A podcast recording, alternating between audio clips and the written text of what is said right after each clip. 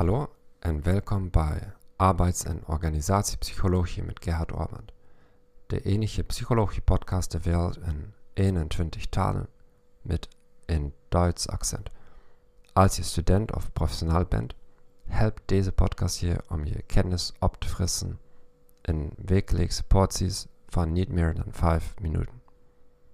Ik doseer psychologie in Zuidoost-Europa en werk al meer dan 14 jaar als consultant. Ik ben geen expert in het Nederlands. Dat heb je natuurlijk al begrepen. Heb geduld met mij, maar ik beloof dat ik met elke nieuwe aflevering beter zal worden.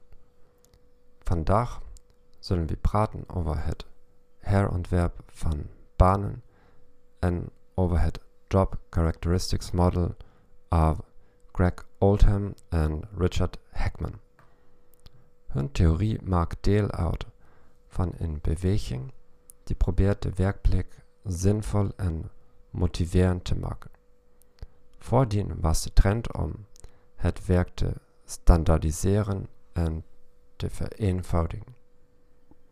De bijwerkingen zijn dat werknemers zich ondergewaardeerd en ongemotiveerd voelen, wat slecht is voor de productiviteit.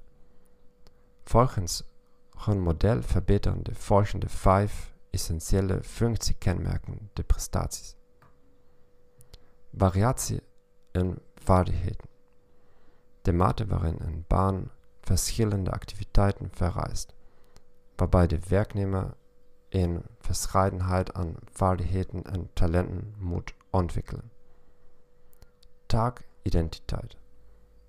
De mate waarin de baan vereist dat de jobholders een heel stuk werk identificeren en voltooien, met een zichtbaar resultaat.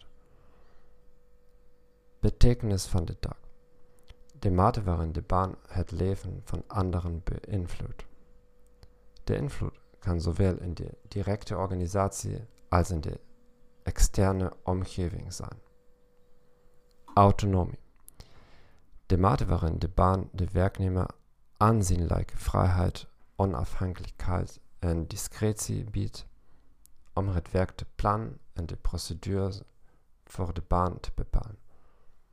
Feedback. De mate waarin de werknemer kennis heeft van resultaten. Laat me je een voorbeeld geven. Taakidentiteit. Een huisarts in een klein dorp zorgt doorgaans voor een patiënt tijdens het hele ziekteproces. Daarom heeft hij een hoge mate van taakidentiteit. Integendeel, de dokter in een ambulance ziet een patiënt maar heel kort. Dit is een lage mate van taakidentiteit. Een Amerikaanse leraar vertelde me over taalscholen in China die Amerikanen recruteren voor online lessen. Hij vertelde me dat hij een heel rigide leesplan moest volgen. In feite was elke minuut van zijn les uh, scripted en gecontroleerd. Dit is een zeer lage mate van autonomie.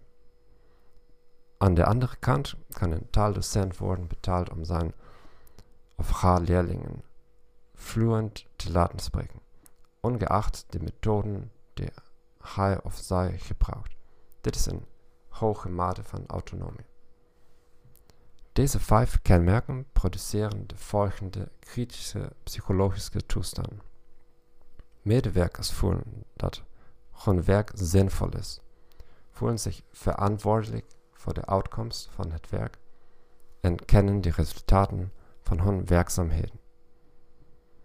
Het effect op de prestaties kan worden gemedieerd, gemodereerd door de volgende variabelen. De kracht van iemands behoefte aan persoonlijke prestatie, leren en ontwikkeling. Als iemand minder geïnteresseerd is in persoonlijke groei, zal hij of zij niet zo ontgoocheld zijn door een baan met weinig afwisseling en minder autonomie. Kennis en vaardigheid. Het kennis- en vaardigheidsniveau waarover de werknemer beschrijft, kan de relatie tussen functiekenmerken, de drie psychologische toestanden en prestaties modereren. Een zeer bekwame werknemer zal zich ongemotiveerd voelen als hij of zij de vaardigheden op het werk niet kan gebruiken. Contexttevredenheid.